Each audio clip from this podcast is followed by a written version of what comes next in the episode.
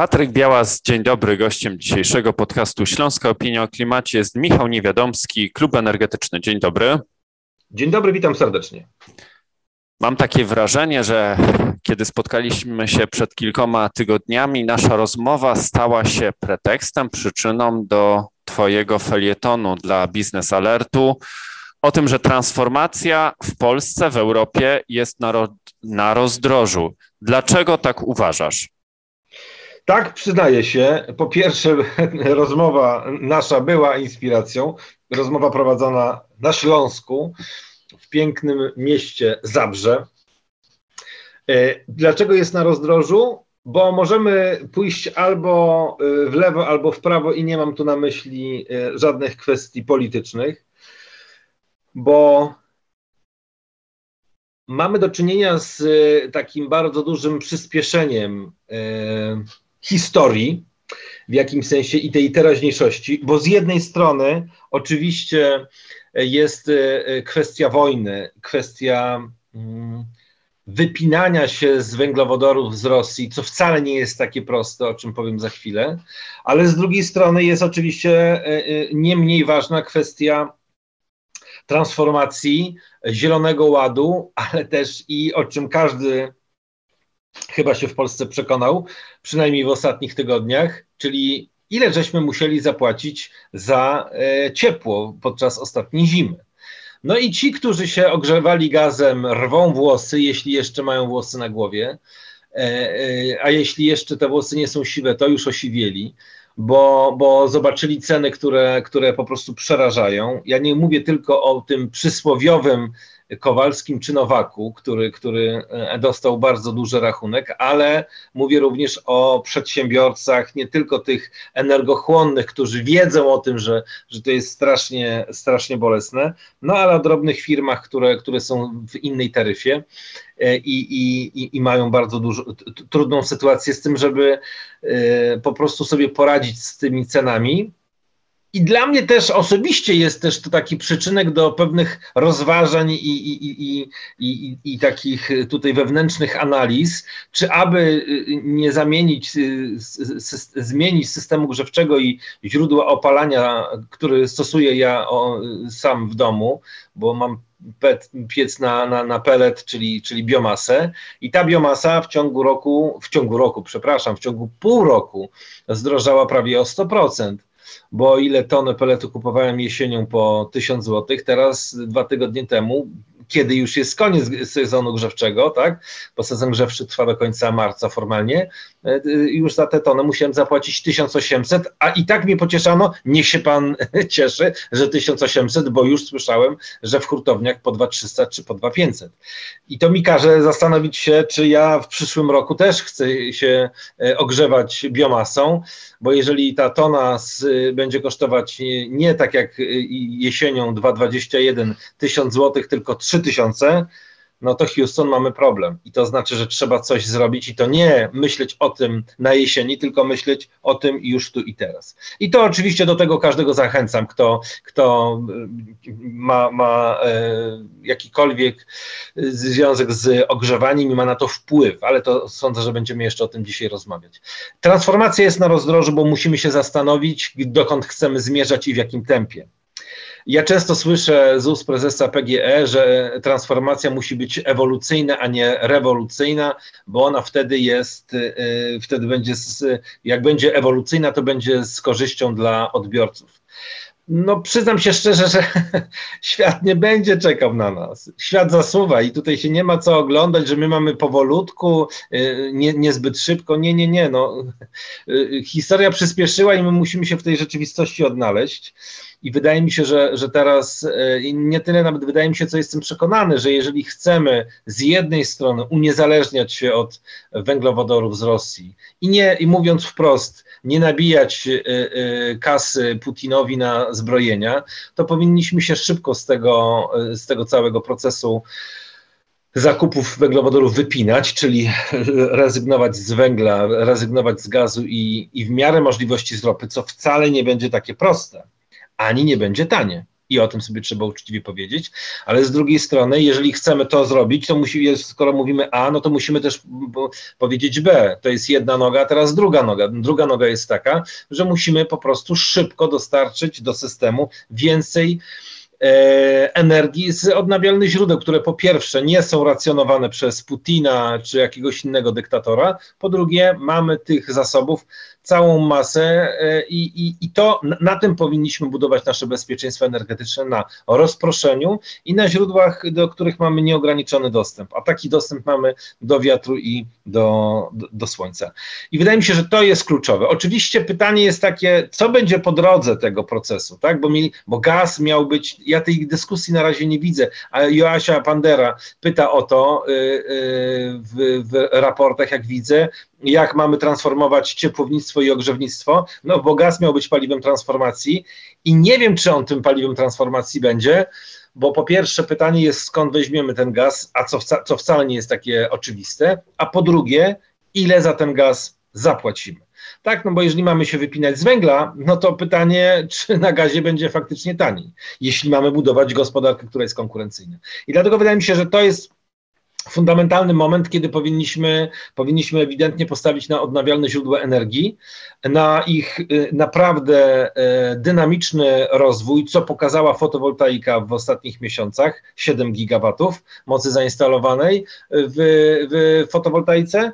No i oczywiście uwolnić wiatr na, na lądzie. I tutaj nie ma co już się oglądać na panią poseł Zaleską, na jakąś tam bazę wyborczą PiSu. Znaczy, no to, znaczy, nie szkoda róż, gdy płoną lasy. No to po prostu trzeba, trzeba decyzji e, naprawdę odważnych i, i, i zdecydowanych, bo, bo naprawdę jakby czas takiego pieszczenia się, mówiąc kolokwialnie, dobiegł końca.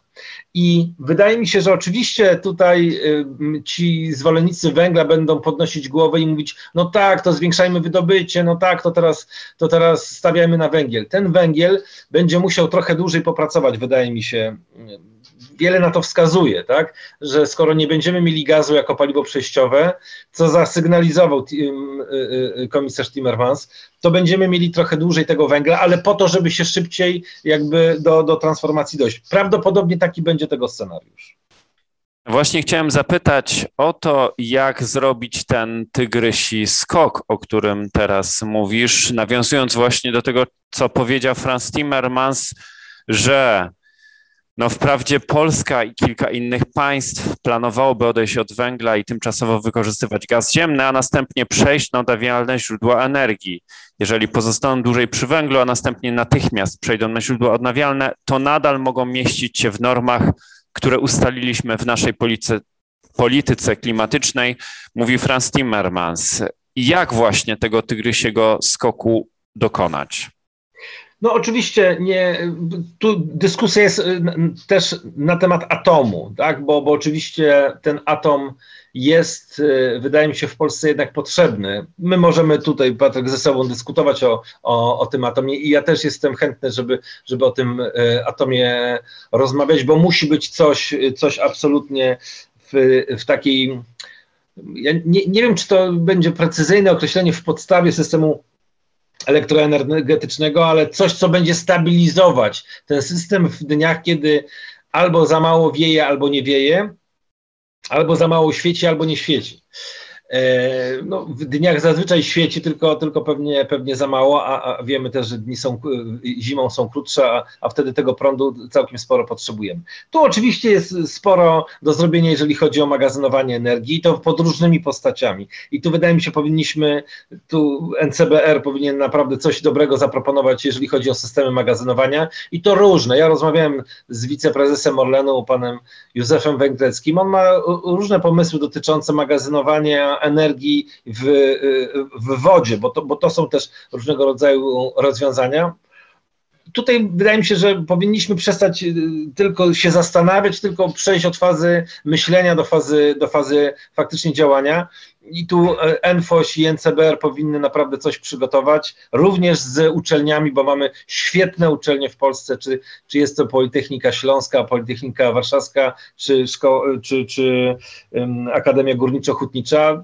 Wydaje mi się, że tutaj jest naj, najlepszy moment do tego, żeby to, żeby teraz te, to, to, te, ten potencjał y, y, y, złączyć i, i coś wspólnego zrobić. To jest moment na, na zrobienie tego tygrysiego skoku, czyli przeskoczenia gazu w, w, te, w tej transformacji. I tu jest na kilku poziomach, tak? No bo musimy spojrzeć na proces transformacji trochę szerzej. My potrzebujemy zelektryfikować gospodarkę. Taki jest cel do 250, tak? Mamy być zeroemisyjni, czyli wiele procesów musimy przestawić na prąd. Na przykład ogrzewanie czy y, ogrzewnictwo, czy, czy, czy, czy nawet ciepłownictwo. Systemy, które w zeszłym roku e, Polska Grupa Energetyczna e, instalowała w Gdańsku, czyli piece elektrodowe. Bardzo fajne rozwiązanie, bo, bo, to, jest, bo, to, jest, bo, bo to jest właśnie ten kierunek. Ja w zeszłym tygodniu byłem na Politechnice Śląskiej w Gliwicach I, I, rozmawiałem też z szefem e, Izby Gospodarczej w Katowicach, panem Tomkiem Zjawionym, i on mi opowiadał o piecach elektrodowych, które Politechnika Śląska przygotowała. Cały system połączony z buforem ciepła, z e, fotowoltaiką, świetne rozwiązania, właśnie bazujące na polskiej myśli technicznej, ale bazujące, wykorzystujące energię e, e, słoneczną i, i właśnie buforowanie energii w, w wodzie. Super rozwiązanie. Można, można. Więc jeżeli chodzi o, o, o, o ten skok ty, tygrysi, to powinniśmy oczywiście elektryfikować to, co tylko możemy. Tak? Różnego rodzaju pro, procesy. Proces transportowy. Od, widzimy, że to w miastach się dzieje, ale powinniśmy schodzić jeszcze niżej i ENFOŚ realizuje program budowy sieci e, systemów ładowania szybkiego i wolnego. Tu absolutnie powinien, ta e, sieć powinna być absolutnie jak najszybciej budowana. Ciepłownictwo, o którym wspominałem, no ale żeby elektryfikować gospodarkę, powinniśmy mieć tanią energię. A tania energia to jest energia ZOZE i wiemy o tym nie od dziś. Jak zobaczymy na cenę energii, jakie, jakie są na, na giełdzie, E, versus cenę energii, jaką otrzymujemy z, z, energe, z energetyki odnawialnej, no to widzimy, że e, energia z wiatru lądowego jest, jest najtańsza. I to powinien być ten skok. Odblokowanie 10H, e, szybkie, kompleksowe inwestycje w poprawę przepustowości sieci, żeby nie było odmów przyłączeniowych, z czym producenci, deweloperzy farm fotowoltaicznych się zmagają tu musi być ponadnarodowa zgoda, tak? Tak jak wchodziliśmy do Unii Europejskiej i do NATO, my powinniśmy mieć również taką ponad, ponad, ponadpartyjną zgodę ogólnonarodową w kierunku transformacji energetycznej, bo to nie, nie chodzi o to, żeby jedni wymyślili i, i się tego trzy, ślepo trzymali, nie patrząc na innych, tylko to powinna być zgoda realizowana przez kolejne ekipy rządowe, tak jak było z wejściem Polski do Unii czy do, czy do NATO. To samo musi być z energetyką, bo skala nakładów inwestycyjnych, czyli tego capexu na nową energetykę, no jest gigantyczne i to się nie uda, jeśli y, y, kolejna ekipa, która przyjdzie, czy kolejne ekipy, które będą się zmieniać, nie będą tego celu realizować. Szybko musimy się z tego, z tego, z tego starego systemu wypi wypinać na tyle, na ile możemy. Wspomnę tylko o tym węglu. My importujemy 10 milionów ton, w zeszłym roku zaimportowaliśmy 10 milionów ton, mniej niż w latach y, y, poprzednich, kiedy tam dochodziło do 20 milionów. 10 milionów, z czego z, z, y, z, z, Rosji 8. Nie wiem, na ile nasza przepustowość naszych portów jest na tyle duża, czy jesteśmy w stanie z morza 8 milionów ton węgla ściągnąć tutaj y, mam pewne wątpliwości, jak również ściągania tego węgla z portów ARA, bo to i koszty, no i potrzebna też jest infrastruktura, czyli mówiąc krótko, puste wagony, żeby przesłać, przetoczyć węgiel z Holandii do Polski. No skoro o skoku mówimy i skoro o węglu zacząłeś rozmawiać, zaczęliśmy rozmawiać, chciałem właśnie też e, zapytać, w jaki sposób, skoro Polska wykonała taki znowu tygrysi skok i wysforowała się na czoło Europy, wprowadzając zakaz importu węgla z Rosji.